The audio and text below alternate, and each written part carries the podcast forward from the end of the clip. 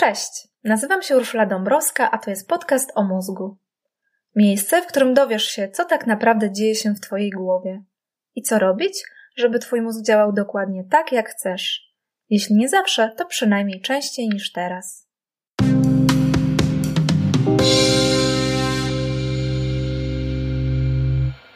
Dziś zapraszam Cię serdecznie do pierwszego odcinka. Odpowiem w nim na podstawowe pytanie: po co nam właściwie mózg?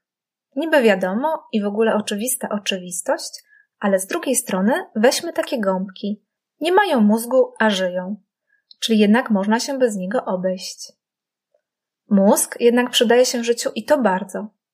Jest milion spraw, które ogarniają nasze szare komórki. Brak tematów do tego podcastu to ostatnia rzecz, której się boję. Ale nie wszystko naraz. Dlatego na dziś wybrałam trzy niecałkiem oczywiste powody, dla których mamy mózg. Zapraszam.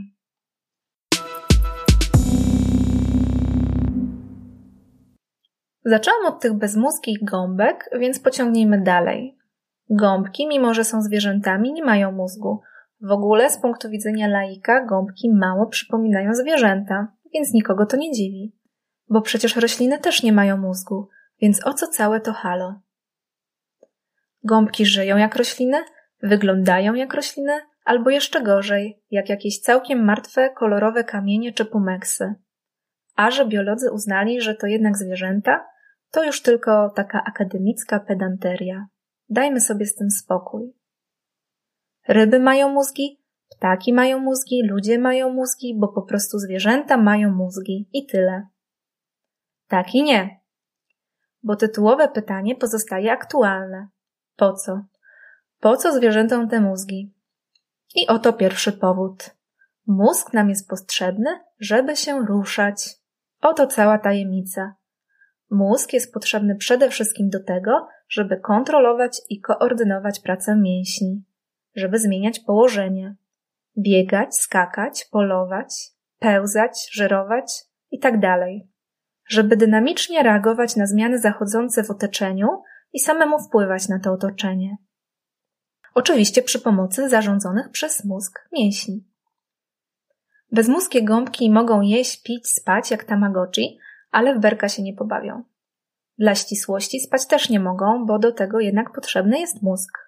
Więc pod tym względem tamagotchi jednak wygrywa. Ukłony dla Takona Fide. No i to jest to wielkie wow. Jeśli tego nie czujesz, to nie wiem, co jeszcze powiedzieć. Bo jeśli wydawało ci się, że mózg jest do uzupełniania tabelek w Excelu albo pisania wierszy, to nie. To tylko efekt uboczny. Mózg by ewoluował, żebyś był w stanie ruszać myszką po biurku albo długopisem po kartce. To fakt. Wydaje się, że to prawie to samo, ale pamiętajmy, że prawie robi różnicę. Skąd my to właściwie wszystko wiemy? Po części rzeczywiście dzięki tym bezmózgim gąbkom, ale jeszcze więcej dowiedzieliśmy się dzięki innym wodnym zwierzętom, o których mało kto wie. Chodzi o osłonice. To z naszego ludzkiego punktu widzenia bardzo niszowa grupa zwierząt i naprawdę możesz je sobie darować, ale jedno jest w nich mega, mega ciekawe. Osłonice to bardzo prymitywne strunowce, które pływają sobie swobodnie w morzach i oceanach. I skoro to robią, to muszą mieć mózg. Muszą mieć mózg, skoro same aktywnie się ruszają. Dokładniej to mają cewę nerwową, ale mniejsza o większość. Trochę awansem i trochę na zachętę uznajmy, że mają mikromózg. W porównaniu do gąbek i tak wymiatają. Ale nie to jest w tych osłonicach najciekawsze. Otóż młodziutkie osłonice pluskają się swobodnie w odmętach wód do chwili, kiedy nie dorosną, bo to jest moment, kiedy każda rozważna i szanująca się osłonica postanawia się ustatkować. Więc osłonica osadza się na jakimś kamieniu, mówi tu mi dobrze, tu się będę rozmnażać i przechodzi ze stadium larwalnego do stadium osobnika dorosłego. Koniec wodnych swawoli. Czas na tryb osiadły. I kolejne pytanie. Co robi wtedy osłonica? Osiadła osłonica pierwsze co robi, to zjada swój mózg. Mikromózg, ale jednak. Dla mnie to trochę koszmar. Tymczasem wniosek można z tego wyciągnąć tylko jeden. Koniec ruchu to koniec zapotrzebowania na mózg. Więcej, jeśli się nie ruszasz, to mózg jest kosztownym i niepotrzebnym luksusem. I teraz czas na disclaimer. Bo tak sobie myślę, że może zaczyna ci się w głowie rodzić niepokojące skojarzenie. Może na przykład twój znajomy teraz właśnie kupuje mieszkanie, zakłada rodzinę. Albo ty właśnie chcesz się ustatkować, zaraz staniesz na ślubnym kobiercu. Może budujesz dom, czy coś w tym stylu? Jeśli tak, to proszę nie wyciągaj jakichś niepotrzebnych wniosków i krzywdzących analogii. A jeśli już wyciągasz, to na swoją odpowiedzialność, bo ja na razie mówiłam wyłącznie o osłonicach. Na marginesie. Tę świetną opowieść o zjadaniu własnych mózgów pożyczyłam sobie z prezentacji Daniela Wolperta wygłoszonej na konferencji TEDx i podlinkuję ją na blogu. Wróćmy do osłonic. Czy możemy wziąć od nich jednak jakąś lekcję dla siebie, mimo że ustaliliśmy, że ustatkowanie się wygląda inaczej w życiu człowieka, a inaczej w życiu osłonicy? Pozwól, że w tym celu zrobię teraz dość dłuższy skok myślowy. Od osłonic do człowieka. No bo wiesz, te osłonice wyewoluowały pół miliarda lat temu i od tego czasu w ich głowach zmieniło się mało, ale w świecie bardzo dużo. Trudno się z osłonicami utożsamiać, szczególnie nam ludziom. W końcu dziś żyjemy bardzo w swoich głowach, myślach albo światach stworzonych w głowach innych ludzi. Nasze życie nie zależy już wyłącznie od tego, jak szybko biegamy, czy jak sprawnie wspinamy się po skałach. A już na pewno nie zależy od pływania w głębinach oceanów. Aktywność fizyczną coraz bardziej spychamy do szufladki z napisem sport, hobby, czas wolny. Mamy skłonność do skrupulatnego oddzielania sfery psychicznej od fizycznej. Zauważ, że raczej nie myślimy sobie o Usainie Bolcie, ale gość, co za mózg. A przecież taki wybitny sportowiec bije rekordy nie tylko dzięki mięśniom. Całą ich pracą zarządza mózg. Już nawet nie wspomnę o aspekcie psychologicznym, który wpływa na odporność psychiczną, skupienie itd. Tak to oczywiste, że to praca mózgu. Ale mózg zarządza przede wszystkim pracą całego ciała. To, że układ oddechowy czy układ krążenia i bicie serca wchodzą na mistrzowski poziom, wynika bezpośrednio z pracy mózgu. No pomyśl, jak szybko, precyzyjnie i bezbłędnie mózg musi wydawać polecenia mięśniom Usaina, żeby kurczyły się i rozluźniały w idealnie zsynchronizowany sposób. To jest absolutnie niesamowite, co ten mózg potrafi. Mózg Usaina Bolta, no bo nie mój, bądźmy szczerzy. Młoda osłonica beztrosko sobie pluska w oceanie dzięki cewie nerwowej, a Usain Bolt biegnie 100 metrów dużo poniżej 10 sekund dzięki swojemu mózgowi. I osłonice, i wybitni sportowcy mówią nam coś ważnego o świecie, a właściwie o nas samych. Dlatego bądź jak osłonica. Pamiętaj, że mózg i ruch idą ze sobą w parze. W ogóle na pewno zrobię cały odcinek na pokrewny temat, bo nie tylko ruch zależy od mózgu, ale i mózg od ruchu. W ostatnich latach pojawiła się nowa celebrytka wśród substancji chemicznych. To BDNF Brain Derived Neurotrophic Factor. Po polsku ta nazwa brzmi równie przyjemnie. Neurotroficzny czynnik pochodzenia mózgowego. Dlatego zostańmy przy akronimie BDNF. Warto zapamiętać, bo BDNF to białko, które robi dobrze naszym szarym komórkom. Dba o te, które już mamy, a nawet przyspiesza powstawianie nowych. I teraz na zakończenie pierwszej części dzisiejszego podcastu zagadka. Co najlepiej podnosi poziom BDNF? Tak jest, aktywność fizyczna. Ale tak jak mówiłam, rozwinę ten wątek w innym odcinku. Teraz przejdźmy do drugiego powodu, dla którego mamy mózgi.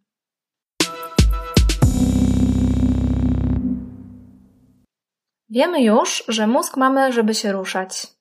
Taką właśnie mają zwierzęta przewagę nad roślinami, że potrafią zmieniać swoje położenie, a czasem także manipulować tym, co środowisko im oferuje. Taka na przykład dżownica to ma niewiele opcji, ale już ptaki i ssaki dają czadu. I dlatego zrobimy teraz szybki przeskok od bardzo prymitywnych osłonic do zwierząt pełną gębą, czyli ssaków.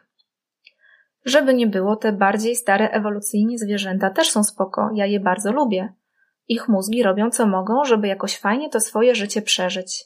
Fajnie to znaczy nie umrzeć za młodu, jeść tyle, by przetrwać i spłodzić potomstwo.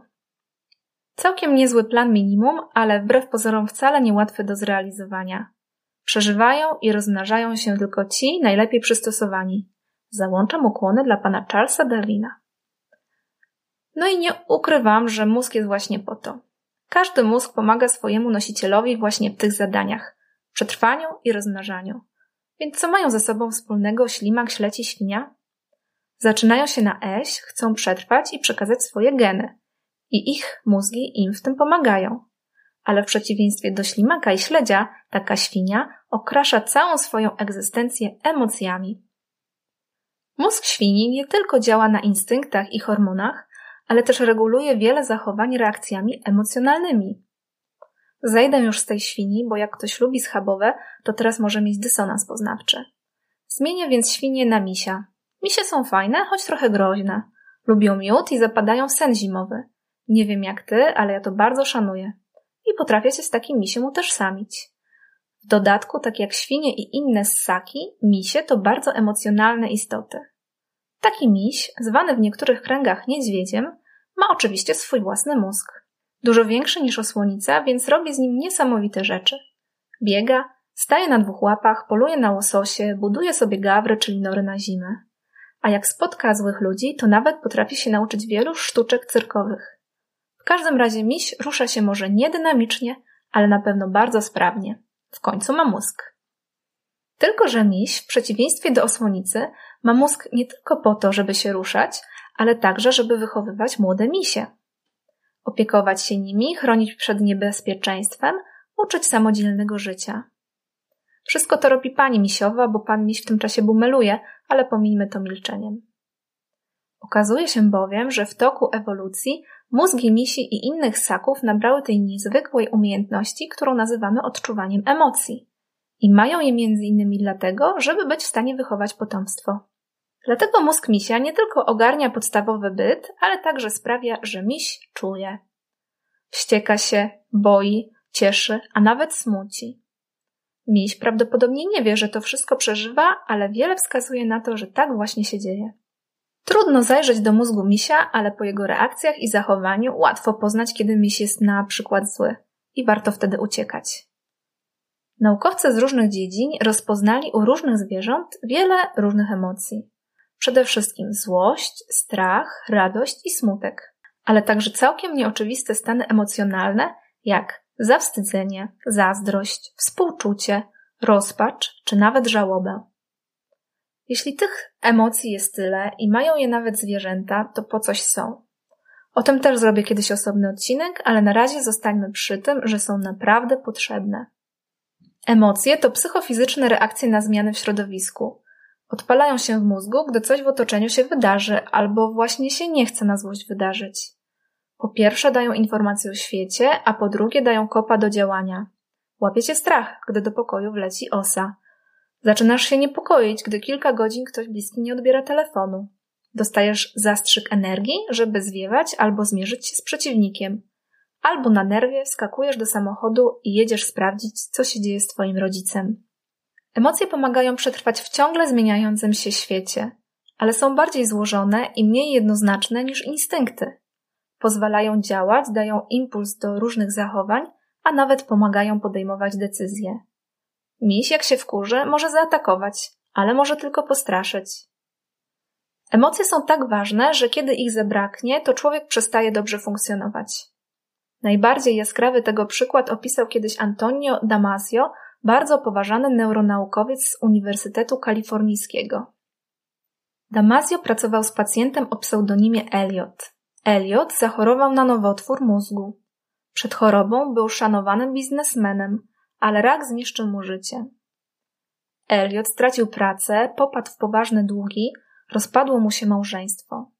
Coś w jego głowie przestało działać jak należy, ale nie wiadomo było co bo Elliot pozostał bardzo inteligentnym człowiekiem. Nie miał problemów z pamięcią, liczeniem, mówieniem czy logicznym myśleniem. W czasie zwykłej rozmowy nie wykazywał żadnego najmniejszego upośledzenia, a jednak coś przestało stykać. Damazio w końcu odkrył w czym problem. Okazało się, że Elliot stracił zdolność do odczuwania emocji. Nic nie sprawiało mu przyjemności ani smutku, nic go nie martwiło ani nie wzruszało. Nawet jego życiowe problemy nie wzbudzały w nim współczucia do samego siebie czy jakiegoś żalu. Elliot stał się zimny jak skała. Mogłoby się wydawać, że to jeszcze nie jest tak źle. W końcu teraz mężczyzna mógł się stać maszyną do logicznego działania. Otóż nie.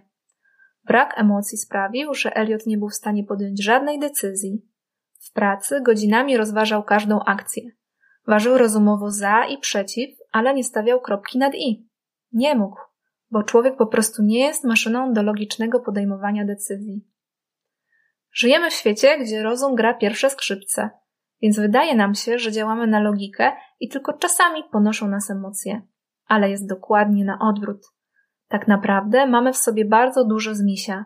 Robimy różne rzeczy, biorąc pod uwagę fakty, ale tak naprawdę napędzają nas emocje. To jest właśnie drugi powód, dla którego mamy mózg. Mamy go, żeby odczuwać emocje. Dlatego bądź jak miś, nie bądź jak Elliot. Słuchaj swoich emocji, co nie znaczy, że musisz się ich słuchać, ale po prostu wiedz, że masz mózg, żeby mieć emocje.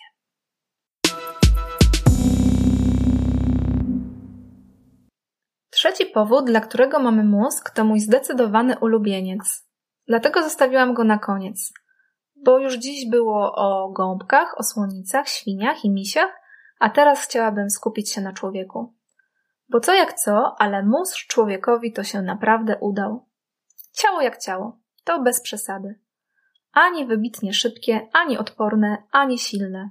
Natomiast mózg to my mamy w wersji Supreme. I duży w proporcji do naszego ciała, i mocno rozbudowany, i pofałdowany tam, gdzie trzeba. I sam wie, jak się rozbudowywać. Sam sobie robi aktualizację. Sam siebie poznaje. Na przykład teraz. Pomyśl, że twój mózg właśnie słucha o mózgach, czyli przyjmuje i obrabia wiedzę na własny temat. Szaleństwo, jak się o tym pomyśli. I teraz quiz. Dokończ stwierdzenie, wybierając odpowiedź A, B lub C. Stwierdzenie brzmi: Ludzki mózg, gigant wśród innych mózgów, jest taki duży, bo A. Potrzebuje miejsca na bogate wspomnienia z życia, które może trwać nawet 120 lat. B. Potrzebuje zasobów poznawczych, żeby przeprowadzać skomplikowane i abstrakcyjne operacje myślowe. C. Jest duży, żeby ogarniać relacje międzyludzkie, tworzyć więzi społeczne i plotkować ze znajomymi. Masz teraz kilka sekund na zastanowienie. Prawidłowa odpowiedź to C. Mózg nam się tak rozbudował, bo musiał sobie jakoś radzić z życiem społecznym. Ewoluował, stymulowany coraz większymi grupami, w których żyli nasi przodkowie. To, że dziś wykorzystujemy jego zasoby do myślenia o piątym wymiarze albo kodowania aplikacji na telefony, to tylko efekt uboczny. Przyjmuje się, że ludzki mózg zrobił się taki duży w proporcji do ciała człowieka, bo musiał ogarniać, co się dzieje między ludźmi. Rozrósł się, żeby lepiej konkurować, ale także, żeby lepiej współpracować. I nieźle mu poszło.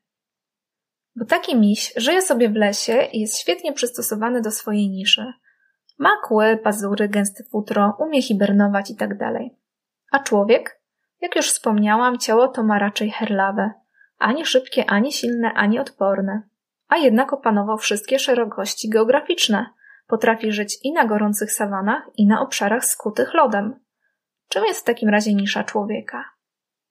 Ano niszą człowieka są grupy i społeczności, w której człowiek żyje. Ta nisza to bardziej okoliczności niż warunki geograficzne i bardziej środowisko społeczne niż środowisko przyrodnicze. I do tej niszy człowiek musiał się dostosować. Okazało się, że nie kły, nie futro i nie pazury, ale w takiej niszy potrzebny jest duży mózg. Więc ewoluował i rósł. Tę ideę spopularyzował Robin Dunbar, profesor psychologii z Oksfordu. Zauważył, że różne małpy mają różnej wielkości mózgi w proporcji do swojego ciała. Te, które żyją w większych grupach, mają większe mózgi. Korelacja jest jednoznaczna i co więcej, świetnie się wpisuje w nią także człowiek. Gdy dłużej o tym pomyśleć, to sprawa robi się całkiem przekonująca. W końcu ogarnianie wszystkich relacji rodzinnych, zawodowych i towarzyskich to całkiem niezły wysiłek intelektualny. Znam takich przedstawicieli naszego gatunku, którzy mimo dużego mózgu nadal sobie z tym nie dają rady. Nic dziwnego, że mózg miał z tego powodu niezłe wyzwanie i stawił czoła jak umiał. Im więcej osób mieli w swoich najbliższych społecznościach nasi praprzodkowie, tym większe i bardziej usieciowione stawały się ich mózgi.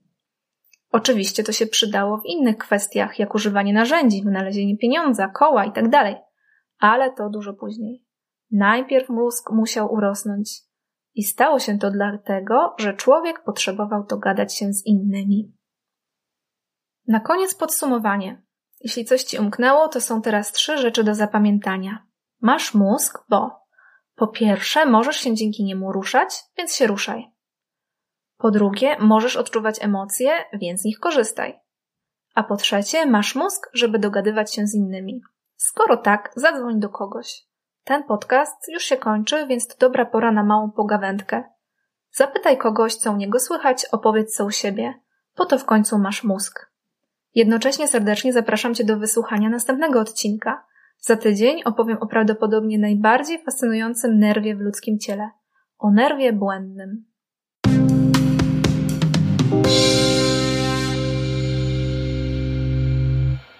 Dziękuję Ci serdecznie za wysłuchanie tego odcinka. Jeśli chcesz więcej informacji na mój temat, zapraszam Cię na stronę www.urszuladabrowska.pl. Znajdziesz tam mojego bloga oraz opisy moich książek. Zapraszam też do kontaktu. Tymczasem do usłyszenia. Dobrego dnia, dobrej nocy. Ula.